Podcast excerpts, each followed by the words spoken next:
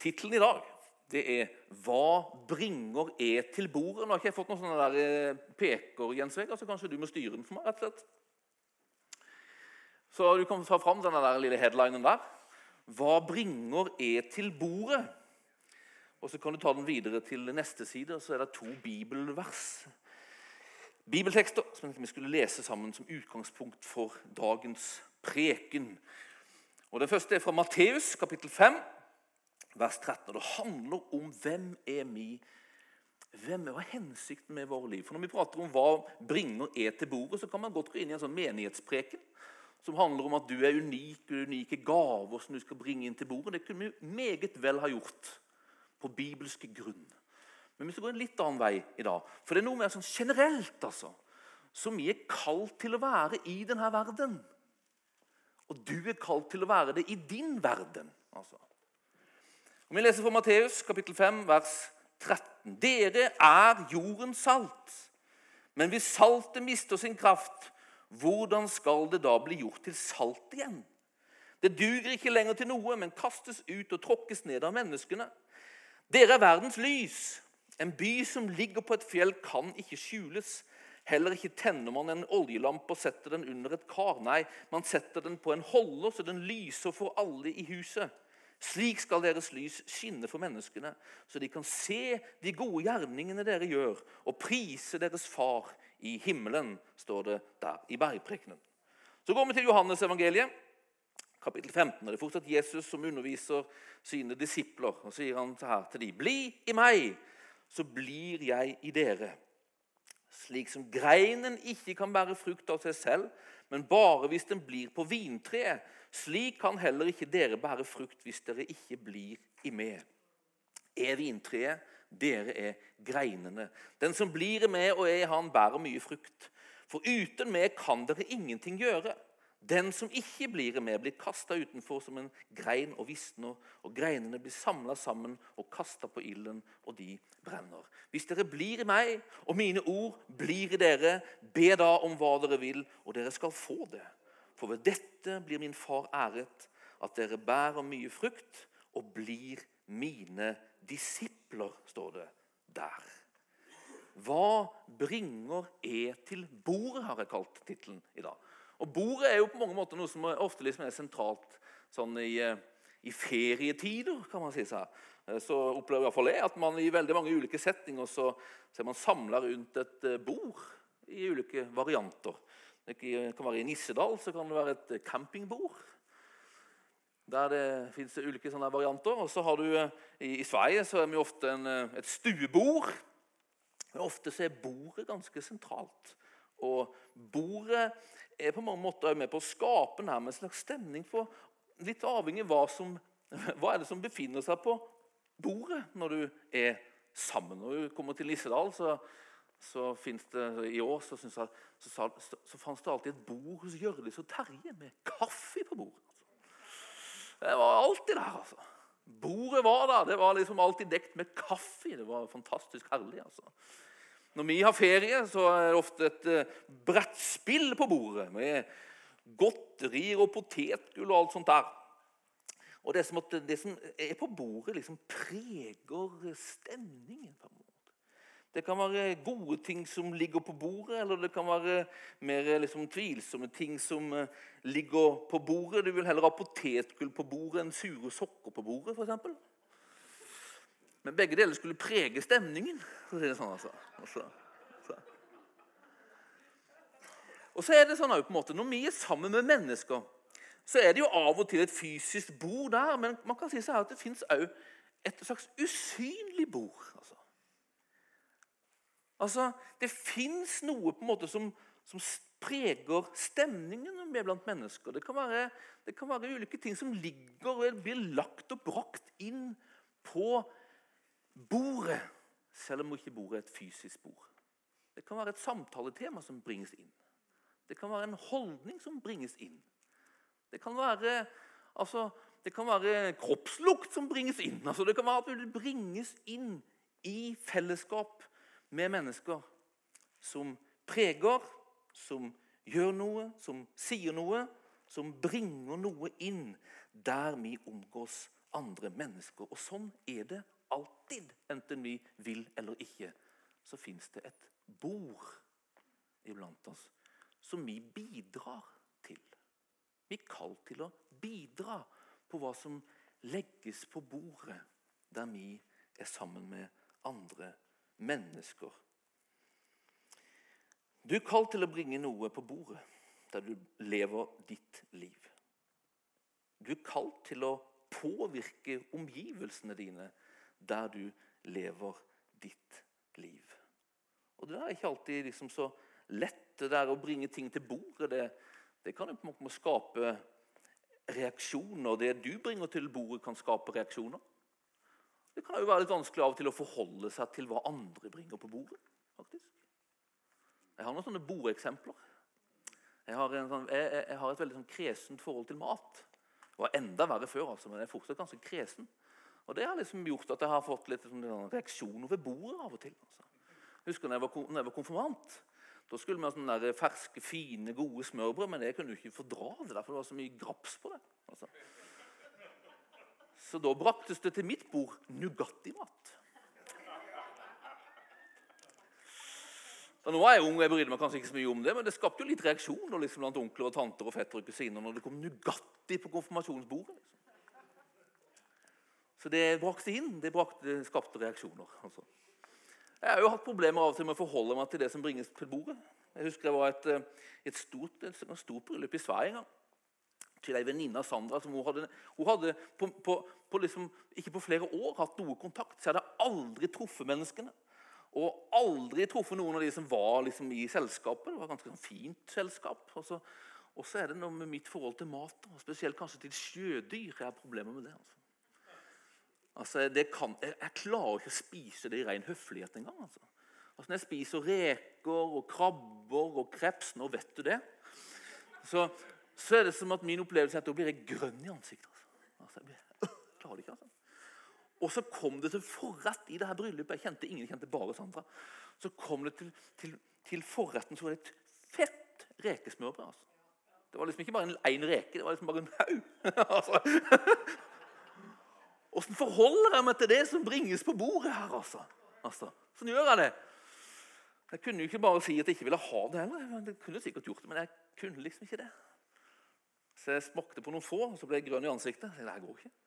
Så klarte jeg å lure liksom ting over til Sander, som jeg klarte liksom å få det i fall akseptabelt ned. Men hvordan liksom forholder man seg til det andre bringer på bordet? Det er ikke alltid så lett. Men vi er kalt til å være noe i denne verden. Vi er kalt til å være og bety noe i denne bygda. Vi er kalt til å være noe som betyr en forskjell i denne bygda. Vi er kalt til å bringe noe på bordet altså, som innebærer en forskjell for mennesker og for Gud i denne bygda. Altså. Og Kommer du ikke fra denne bygda, så er du kalt til å gjøre det i din bygd. Altså. Du er kalt til å gjøre det din, på din arbeidsplass, i ditt nabolag.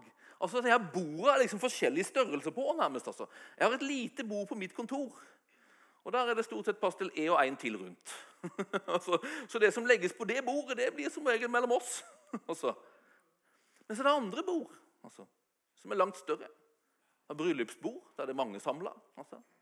Ta den her i overført betydning. ikke I Sverige har de til og med noe som heter eh, Nobelfest. Det hadde jeg ikke hørt om. eller det. En stor fest, en nasjonal fest. Liksom. Det er nobelprisutdeling. Da er det en stor nobelfest på kvelden. Og, og, og TV direktesender hvert minste detalj. Altså. altså. Det er hva alle har på seg, og hva alle spiser. Min kone sitter klistra i desember når det er nobelfest. Jeg skjønner ikke hva greia er, men det er noe med svensk, noe svenske greier. Altså. Men da er alles blikk festa på bordet. altså. Hele Sverige er samla til et bord. Altså. Så man har ulike liksom, forum for våre liv. Altså. Noen har mange sånne enkeltmenneskemøter, de små borda. Andre har større grupper i bryllupsbord. Og til og med noen kanskje har litt mer å bringe inn noe på nasjonal plan. altså. Vi er kalt til å bringe noe på bordet. Ulike bord, men vi er kalt til å bringe inn noe av det samme. Vi er kalt til å gjøre en forskjell. Vi synger, Barnekoret har en sang som heter, som, som, som heter, ikke om heter, men vi synger 'Jesus snur alt på hodet'. Stemmer ikke det, Lillian? Ja.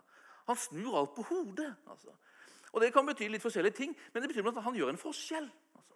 Og Det fins en historie i, i apostlenes gjerninger som er ganske spesiell og herlig. Det, eller herlig, Den er ikke herlig, for det er liksom ganske røffe forhold rundt Paulus og Silas.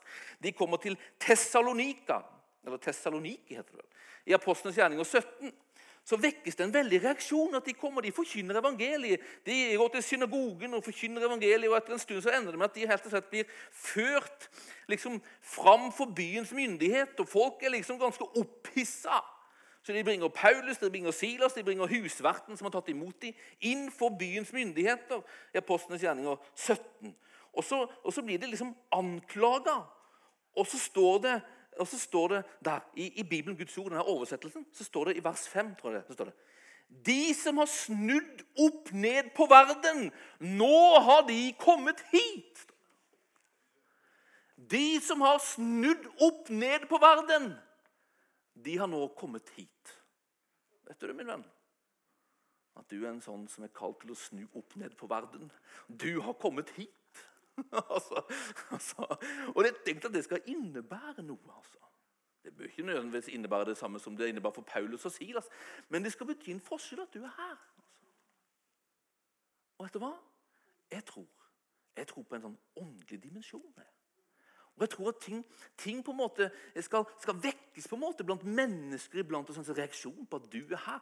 Men det vekkes òg, og skal vekkes, en reaksjon i åndeverden at du er her.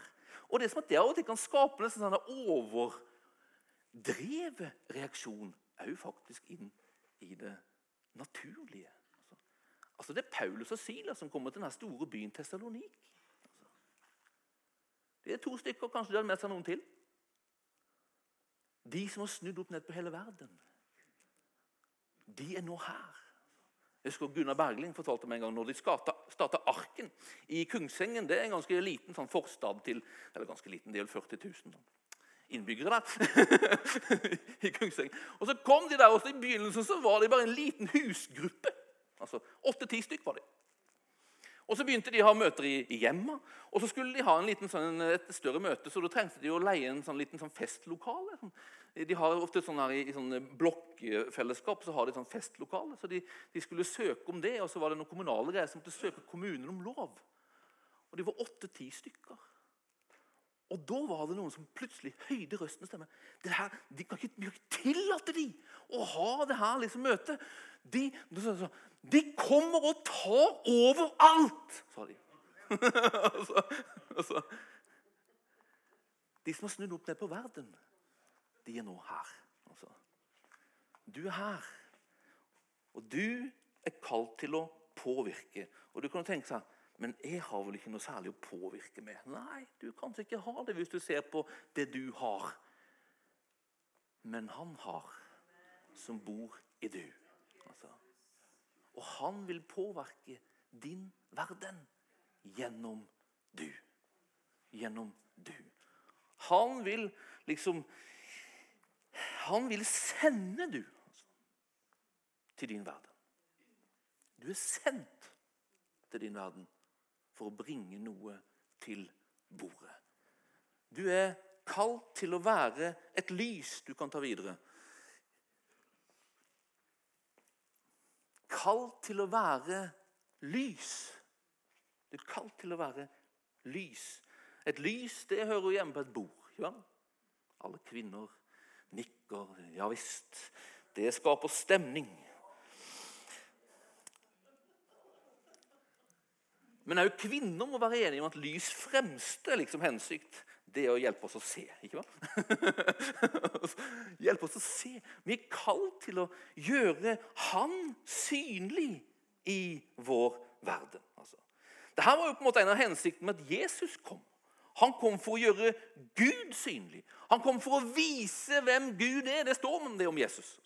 Han var den usynlige Guds bilde, står det i Kolossebrevet. I Hebreerbrevet står det sånn Han var den nøyaktige representasjonen av Guds vesen, altså hans hjertelag. Den Gud som hadde vært ganske diffus, ble nå synlig gjennom Jesus. Du og jeg er kalt til å gjøre Han synlig i denne verden. Denne Jesus som på mange måter for mange er ganske diffus. Og kanskje til og med uklar, og man kanskje tror helt feil om han. Han er vi kalt til å vise hvem er i denne verden. Nå får vi Martin Cave besøk. Han bruker å si noe så utrolig fint. Altså. Han sier sånn Mennesker har ikke sagt nei til Jesus. Mennesker i Norge da, de har ikke sagt nei til Jesus. De vet bare ikke hvordan han ser ut. Og det er veldig mye sant i det. altså. Og Nå er det, altså, nå er ikke det en garanti for at folk kommer til ja til Jesus fordi vi er veldig, liksom, viser ham nøyaktig som han er. For det er et menneske sa nei til Jesus når han gikk der sjøl. Men jeg tror langt flere vil si ja til Jesus når de får se hvordan han ser ut. At Jesus er ikke det er ikke korsfarens Jesus eller religionskrigenes Jesus. Jeg vet ikke om dere har vært borte det, men har vært borte folk som ikke vil bli kristne. Fordi at, fordi, at, fordi at, religion gjør så mye vondt i verden. Ja, Og det er sant, det. Altså, Det er mange som gjør fryktelig mye vondt i Guds navn. Og til og med i Jesu navn. Men det, det er forskjell på Jesus og de på en måte som, som sier at de representerer han, eller tror han. Det er vår oppgave å vise hvem Jesus er egentlig. Altså. Og Det er to ting som jeg tenker på som i alle fall på mange måter viser hvem Jesus er. Og Den ene er at vi er kalt til å gjøre det her gjennom gode gjerninger. Det var jo det vi leste. altså, det var det vi leste. Sånn skal deres lys skinne for menneskene, så de kan se de gode gjerningene dere gjør, står det. og prise deres far i himmelen for det. Det fins en kobling mellom det vi gjør og viser, og folks forståelse av hvem Gud er, og hvem Jesus er. Altså. Vi er kalt til å bringe gode gjerninger. Jeg har en sånn enkel prøvestein. Hva er det, er, hva er det Gud vil bringe inn på bordet? Og hva er det han ikke vil bringe inn på bordet? Jesus sier selv sånn 'Jeg er kommet for å gi liv', sier han i Johannes 10,10. 10. Så alt som bringer liv, det er det han vil ha inn. Tyven, sier han, jeg kom for å stjele, myrde, ødelegge. Alt som bringer inn sånt, det kommer ikke fra han. Så hva skal vi bringe inn? Skal vi bringe inn det som stjeler, myrder og ødelegger, som trykker ned? Nei. Vi er kalt til å bringe inn liv. Det som bygger opp, det som er godt. Altså, det som styrker noe hos mennesker. Vi er kalt til å bringe det inn på bordet. Og at alle kan gjøre det Kan gjøre det Man kan gjøre det i ulike grad, man kan gjøre det på ulike bord. Men jeg oppdaga en ting. At én måte som jeg kan bringe inn Guds godhet i fellesskap med andre, det er bare å være mindre opptatt av meg sjøl. altså, altså det, det det. For Guds godhet den er, den er helt uegoistisk. Så det, det, å være mindre opptatt av seg sjøl er en kjempestart for å få lov til å bringe noe godt inn på et bord. Altså Det å lytte til mennesker. Det å være interessert i mennesker. Det er, det er, utrolig hva det kan gjøre i en samtale, og hvor mye det kan åpne hjerter. Altså, Jeg har hatt samtaler på Kringla der jeg bare har lytta, og der jeg bare har vært nysgjerrig. Og plutselig så er det som at det er åpent for å bringe inn noe mer av Guds godhet. Men alle kan vi trene, i alle fall, på å lytte og være mindre opptatt av oss sjøl. Husker Erik Fikstvedt dette? Han husker noen av dere. Ja? Han bestemte seg da for å si Jeg skal hilse på alle mennesker jeg møter. Altså, altså, så uansett, jeg søker menneskers blikk og sier hei. Og han oppdaga liksom Wow, det her var ikke folk vant til. og, så, og så blir det utgangspunkt for noe mer. Men om ikke det blir det der og da, så bringer det noe godt inn. Altså, Alle kan det. Alle kan gjøre det her noe. Og så kan vi alle vokse i frimodighet. Ta noen nye steg. Kanskje neste gang våge å si noe òg. Om ikke deg sjøl, det trenger du ikke gjøre, men om Jesus. Men for han er den gode, med stor G. Så denne godheten må være det målet vårt er å bringe inn godhet med stor G. Ikke vel? Det er han. Men det kan være en strekning dit av gode gjerninger. Så kan man vokse i frimodighet. Så kan man til og med komme dit til slutt at man våger å be for mennesker når de deler sitt hjerte om hva som de er opptatt av, og hva de står i i sine liv. Det er nød der ute. Og folk er åpne for det. Jeg hadde en samtale med en fyr her i bygda. Ikke en sånn utmerket sånn, troende type. Utprega troende, kan det hete. Men han sa så jeg jobber sammen med en fyr. sånn. Han er en sånn, altså, det, det, er jo fordelen med å være pastor, for alle vet jo på en måte at det er tro på Jesus. Altså, altså det er sånn, Jeg slipper å si det. Jeg får lyst til å kjenne meg. Jeg må si det til de som ikke kjenner meg. han er en sånn, sånn han, han her fyren jeg jobber med, sånn, han er en sånn kristen. Og han er en sånn en, altså, og han hadde et godt inntrykk av denne fyren. Altså. Han driver og ber. og greier. Og så han sa han er så frimodig på det med å be. Så jeg har opplevd sier han, at han og vi står og jobber med ting, og så, og så, og så, og så har vi problemer og store utfordringer som vi, vi får ikke til. Så, så plutselig da, da finner han på å be, sier han. Kjempefrimodig. Jeg tror jo på Jesus, sier han. Nå ber vi til Jesus. Så, og så ber de til Jesus, og flere ganger sier han, så har jeg opplevd at noe sier han, skjer. Noe, liksom noen griper inn. Altså, altså, altså. Men det blir et vitnesbyrd som herliggjør vår far i himmelen. Altså. Som herliggjør Jesus. Altså. Godhet. Det er sånn han gjør. Og det er sånt vi skal bringe inn til bordet der vi lever våre liv. Så Vi skal gjøre det gjennom gode gjerninger. Så skal vi gjøre det nummer to bringe inn håp. Bringe inn håp.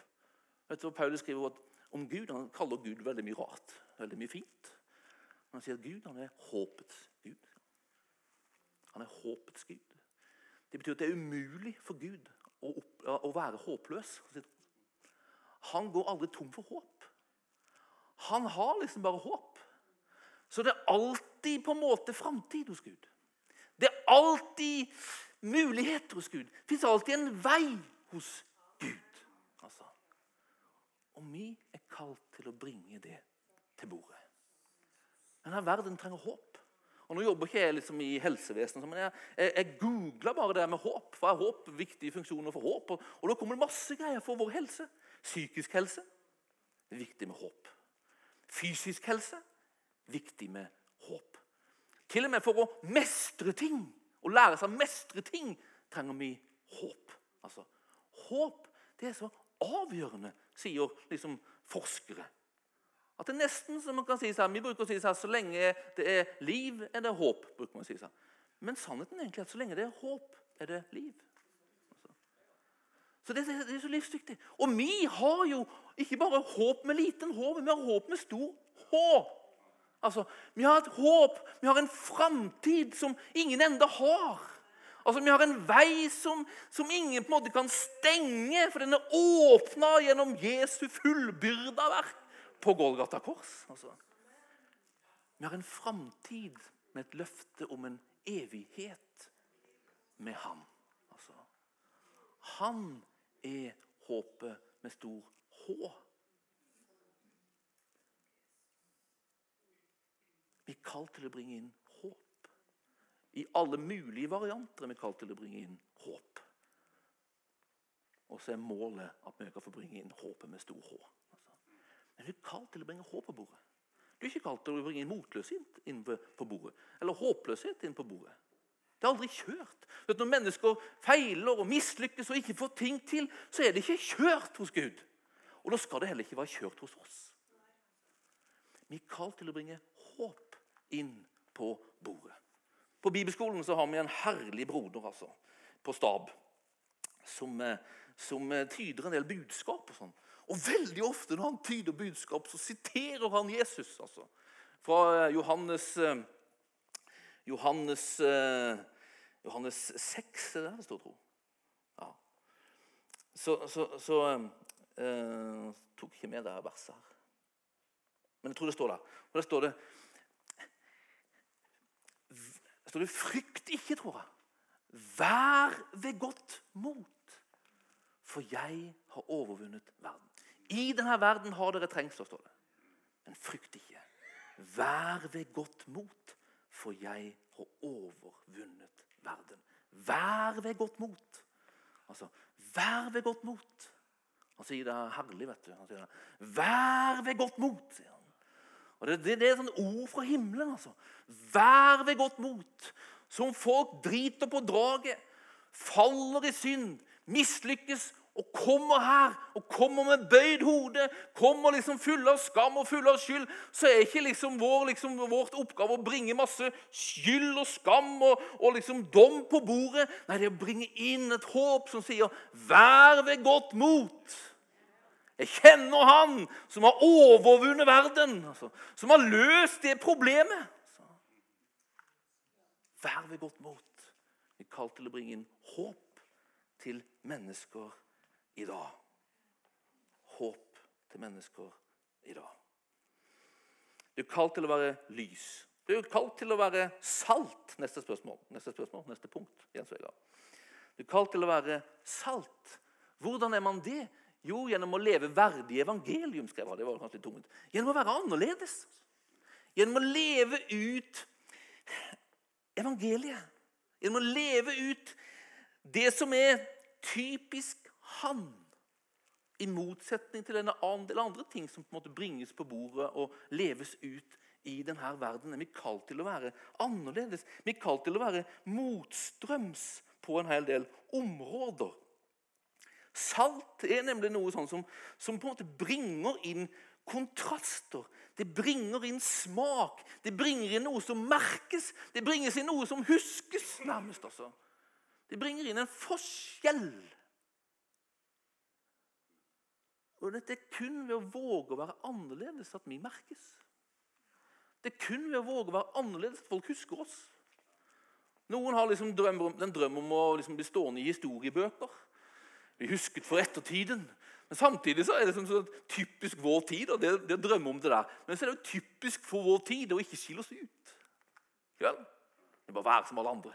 Ja? Det er trygt og godt. Men da kan jeg garantere deg, du havner ikke i historiebøkene. For alle de som står i historiebøkene, det som har vært, våga være annerledes, har gjort noe unikt. Har gjort noe som ingen andre har gjort før, eller på en annen måte. Det er det som merkes. Jesus merktes. Og vi er kalt til å merkes i denne verden. Vi er kalt til å snakke sant i møte med det som er usant. Vi er kalt til å stå opp for det som er rett i møte med urettferdighet. Vi er kalt til å velsigne i møte med negativt snakk. Akkurat som Roald har skal øve på seg på det nå. 40 dagers faste. Fra negative ord, er det ikke det heter? Det er negative ord. Det er ikke bare baktalelse, og det her, men det er negative ord Vi er kalt til å tale noe annet. altså. Vi er kalt til å være litt motstrøms. Vi er kalt til å tilgi i stedet for å gi igjen. Vi er kalt til det. Vi er kalt til å leve rent istedenfor ureint. Et synd, ondskap og urenhet det kan man si seg her at gjør at Guds gode skaperverk råtner, kan man egentlig si. Og salts oppgave annet, det å hindre forråtnelse. Vi skal bringe inn det som ligner han, det som han vil, det som han står for i denne verden.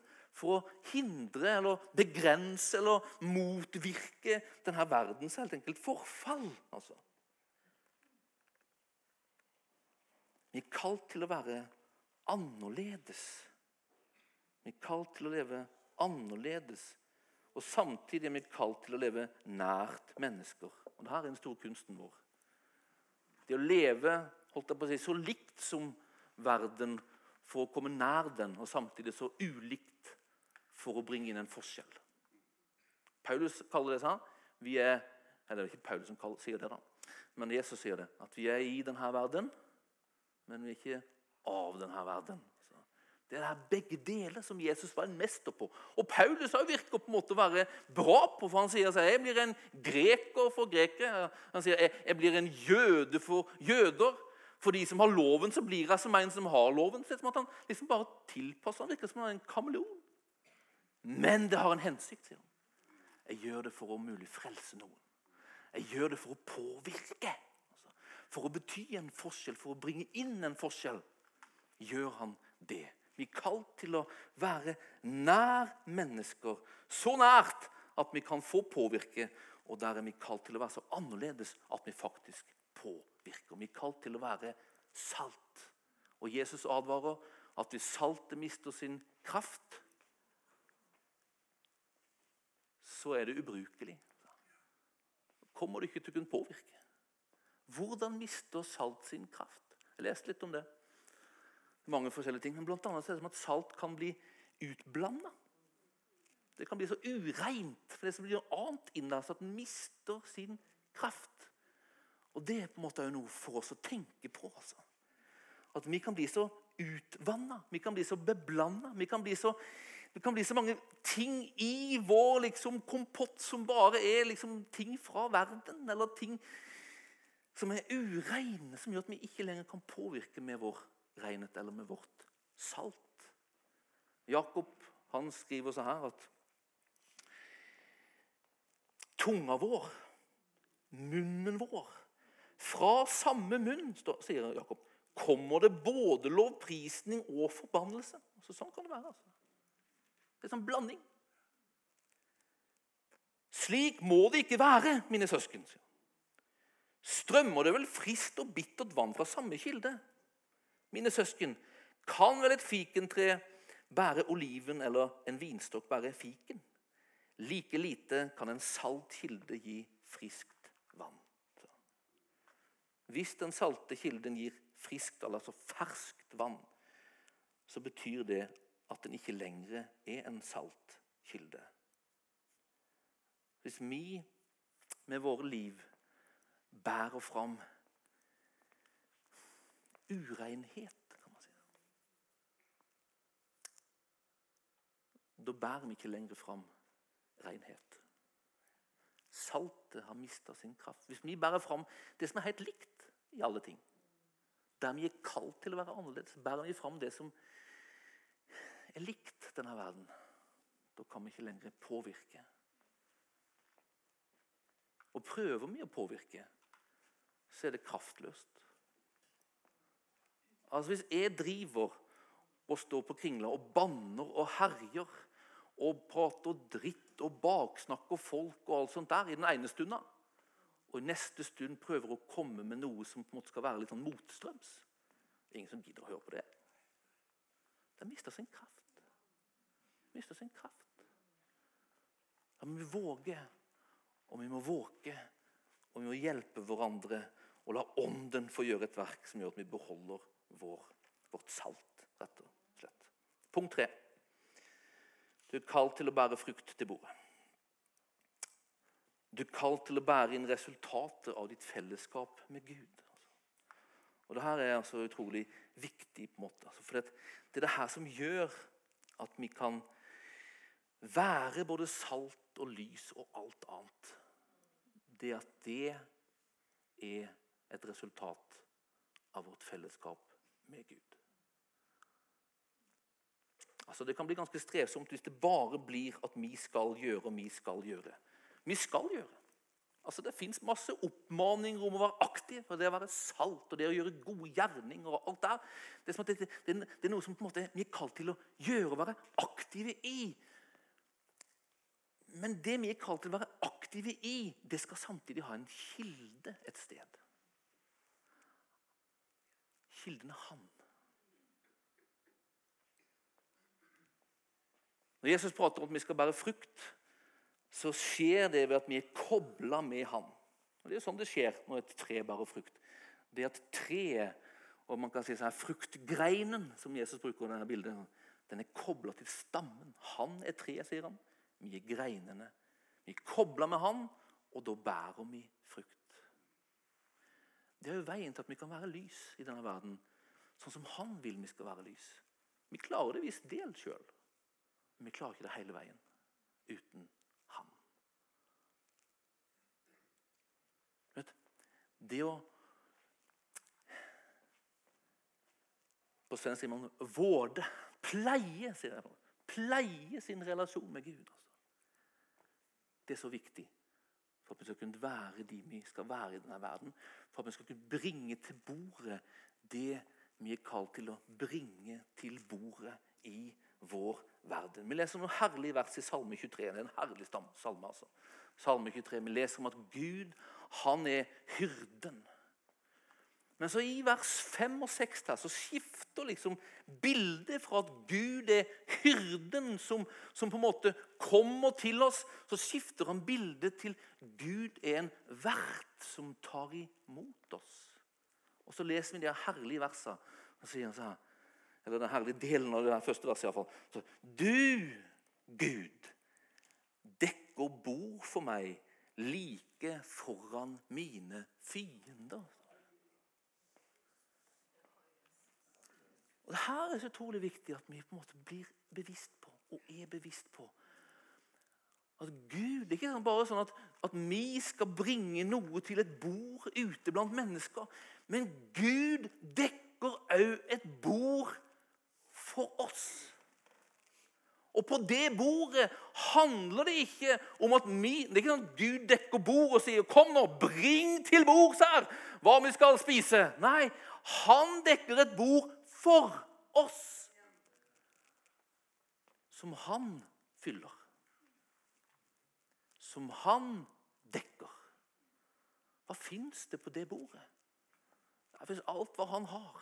Og det fins alt hva han er. Og det fins alt hva vi skal være. Vi skal jo være det han har og er. Det er det vi skal bringe. Han duker et bord for oss og sier 'kom'. Her er det du skal bringe dit. Her er det. Her er det her bordet som aldri tar slutt. Gud har ikke panikk over høye matpriser. altså, altså, han har det han har, og han er den han er. Og han bringer det til det bordet som han har dekka for oss. Han har dekka det for oss. Og det er derfra vi er kalt til å hente det vi skal bringe til det bordet der du lever ditt liv. Det er så livsviktig, altså. Det er så livsviktig. Vi er kalt til å gå til det bordet, til å komme til det bordet, og ikke dra oss unna fra det bordet. Det bordet, det er dekka, det. Alltid. Det er dekka i Uansett hvordan livet ditt ser ut, er det dekka. Uansett om du har feila for n-te gang, er det dekka. Uansett hvilke omstendigheter du står i, så er det dekka. Uansett hva du opplever akkurat nå, så er sannheten at det fins et bord som er dekka. Om du opplever at Gud har forlatt deg, det er løgn. Midt i den opplevelsen så fins et bord som er dekka. Av Han får du. Det er herlig det her David skriver. Det fins et bord som er dekka. Mitt, eller like foran, mine fiender, står det. Gud dekker et bord. Og Det her må vi på en måte forstå. At Gud, han dekker et bord. Og av og til så gjør han det midt foran våre fiender. Altså Guds svar på, på en måte utfordringer og ondskap og ting i våre liv og i denne verden, det er å dekke et bord. Det er å dekke et bord. Og Av og til så på en måte det som kommer på det bordet, det er på en måte, det er løsningen for å jage fienden vekk. for å si Det sånn. Det fins helbredelse der. Men så er det liksom Det fins rask helbredelse, det fins rask frihet. Det fins der. Men så er det, som, det er ikke alltid Guds vei. Altså Når David skriver det her, så skriver han seg her. Han skriver det han skriver, tror jeg, fordi at erfaringene hans sier det at av og til så er på en måte Guds svar på mine problemer et annet enn jeg skulle ønske. Altså, for mitt ønske skulle være sånn Gud, han står der alltid når fienden kommer, så står Gud der og jager fienden vekk. Men David skriver at midt når fienden står der og stirrer oss i øya, og vi stirrer han i øya. Det står der som en skummel, mørk, vond, vanskelig omstendighet. Så er Guds svar. Guds svar er aldri likegyldighet eller avstand eller distanse. Gud handler alltid. Han er alltid trofast og på og gjør noe. Men, men David, der midt foran våre fiender så dekker Gud et bord. Og av og til, og til og med kanskje ganske ofte, så er Guds svar i våre mørke stunder å komme til Han, selv om fienden fortsatt står der. Jeg tror til og med alltid det er hans svar. Han vil ha oss nær. Han vil ha oss nær. Så tror jeg på en Gud som gjør, gjør ting, gjør kort prosess på fiender og dårlige omstendigheter. Men jeg tror, men jeg tror av og til det finnes tider der det ikke skjer. Og hvorfor det ene skjer, og hvorfor det andre skjer, det, det er faktisk ikke godt å vite. det. For det er ikke alltid, Gud tilbyr egentlig ikke et svar på det. Han er opptatt av andre ting. Men det han alltid er opptatt av, Uansett om det skal bli et raskt bønnesvar eller om det skal gå noe tid, så er han alltid opptatt av å komme til det bordet. Han er der. Han har dekka et bord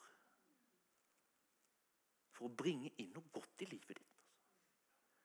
At Gud kan bringe inn noe godt i ditt liv, selv i mørke stunder. Ja, det fins til og med, tror jeg, ting Gud ikke kan bringe inn i ditt liv uten at det skjer i mørke stunder.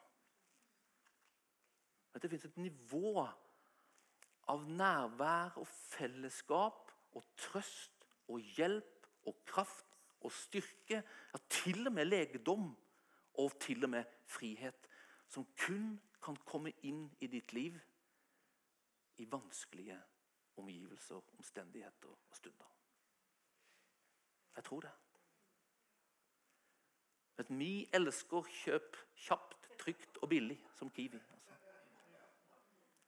Men det er bare det er ikke alltid det er veien til vekst i våre liv. Men Gud vil du skal bringe noe til ditt bord. Og av og til så er det i midt foran fiendens øyne at det kan komme inn i ditt liv fra hans bord. Vi er alltid kalt til å komme til ham. La ingenting hindre deg. La ikke mørke omstendigheter hindre deg. La ikke det at ikke du opplever at du har fått ting til eller klart å be bort dine problemer. La ikke det føde en slags en mindreverdighetsopplevelse eller en skam over at du ikke du får til det kristne livet ditt, at ikke du får til å endre omgivelser, at ikke Gud hører. La ikke den løgnen få holde deg tilbake. Han sier 'kom til mitt bord'. Det er dekka. Jeg er ikke redd for fienden. Gud han kliver inn rett foran fiendens åsyn han, og dekker et bord.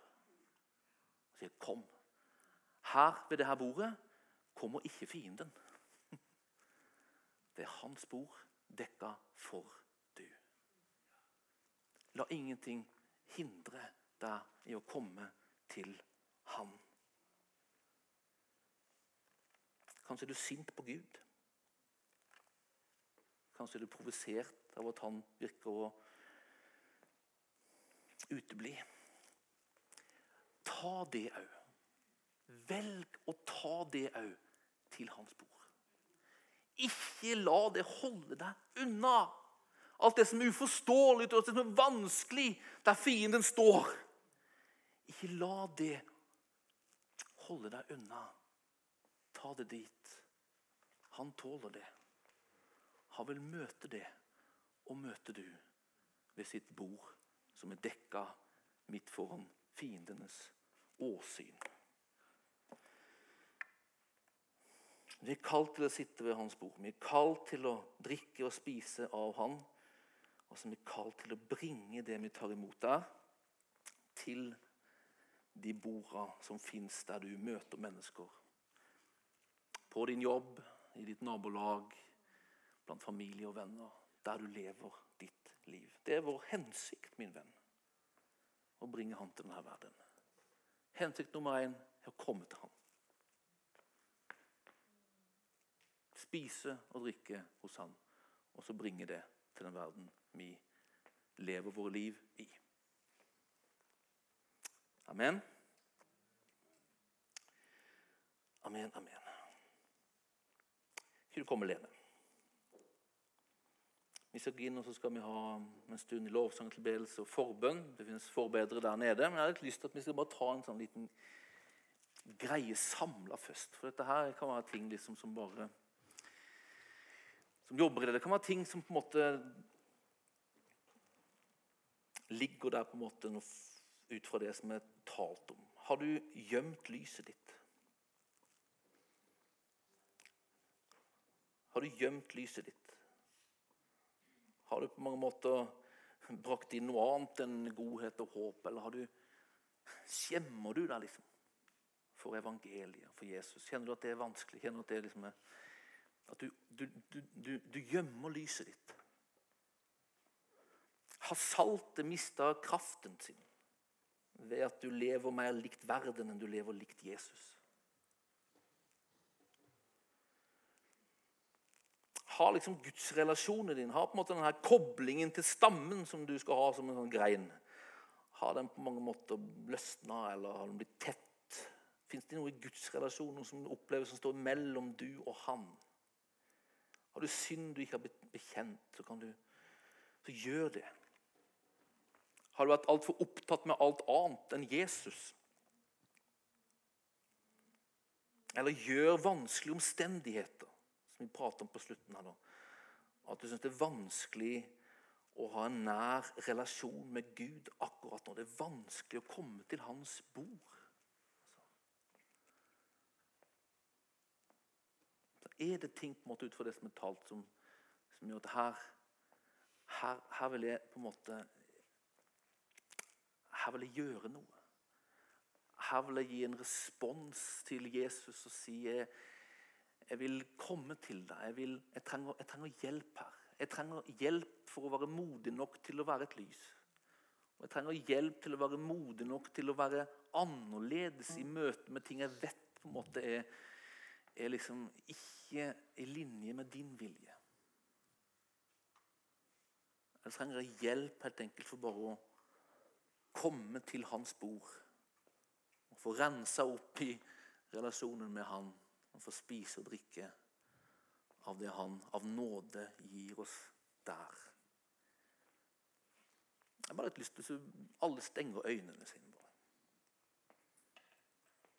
Jeg har bare lyst til å be for deg. Bare be en bønn for alle som vil.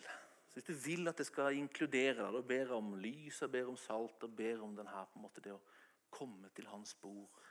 Hvis det ligger ting der, skal ikke du bare gi et signal? Bare rekk opp hånda. Alle blunder bare.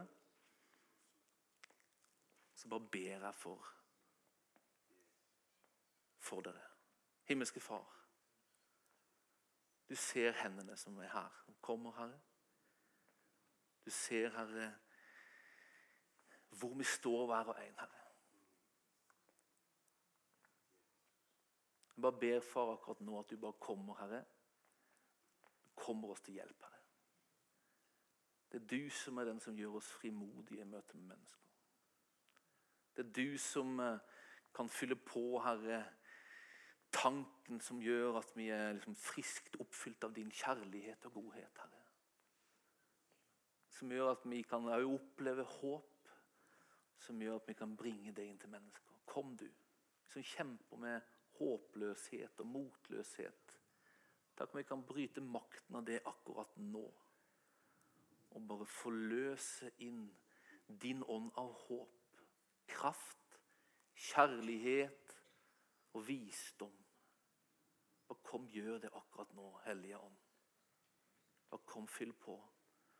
Bare kom, virk. Bare kom, hjelp oss. Herre, du ser ting som i våre liv som vi vet ikke du har behag i, Herre. Vi bare kommer til du akkurat nå og bare, bare bekjenner det stille hjertet vårt til du, Herre. At det er synd. At jeg vil vende meg fra det. Jeg bare ber at du kommer, far, og bare kommer med hjelp og styrke til å gjøre det. Takk at din nåde er jo hjelp, Herre, til å endre ting. Til å gjøre ting annerledes neste gang. Kom, du og hjelp oss med det. Hvis det er ting, hvis det er baktalelse som vi kjenner at ja, der, der har jeg noe i mitt liv. Vi kjenner det som synd. Så kommer du, Herre, og bare hjelper oss Herre, til å velsigne neste gang. Vi vil ikke være sånne kilder der det strømmer både velsignelser og forbannelser ut. Vi vil at det skal være velsignelse som strømmer fra våre munner og våre lepper, Herre. Kom og hjelp oss. Kom og hjelp. oss. Herre, kom hjelp oss til å komme til ditt bord, Herre. Hjelp oss å se det bordet dekt. Hjelp oss å tro at det er dekt. Selv om omstendighetene våre er vanskelige, selv om vi sjøl ikke opplever oss verdige til det, eller får ting til, så hjelp oss å tro det, Herre. At det finnes et bord som er dekt, som vi kan få komme til, Herre.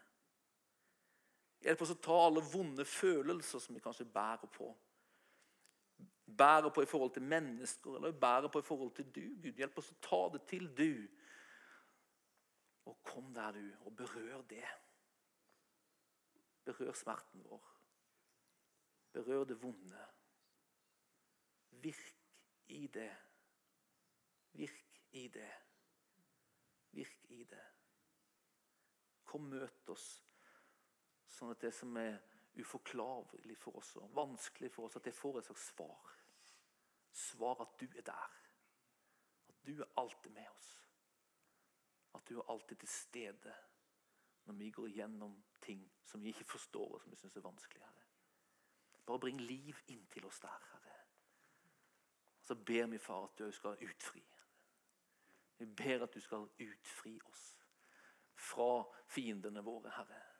Du bringer liv inn. Du bringer legedom inn. Du bringer frihet inn der vi kjemper og har behov av det, far. Bare kom, gjør det. Kom, gjør det. Kom, gjør det, Herre. Herre, vi takker deg, vi priser deg, vi ærer deg. Far, jeg bare ber at du setter oss i stand, far, til å representere du i denne bygda. Til å bringe du inn på de borda som fins der vi lever våre liv, Herre. Takk at du ruster oss til det. I Jesu Kristi navn. Amen. Amen, amen.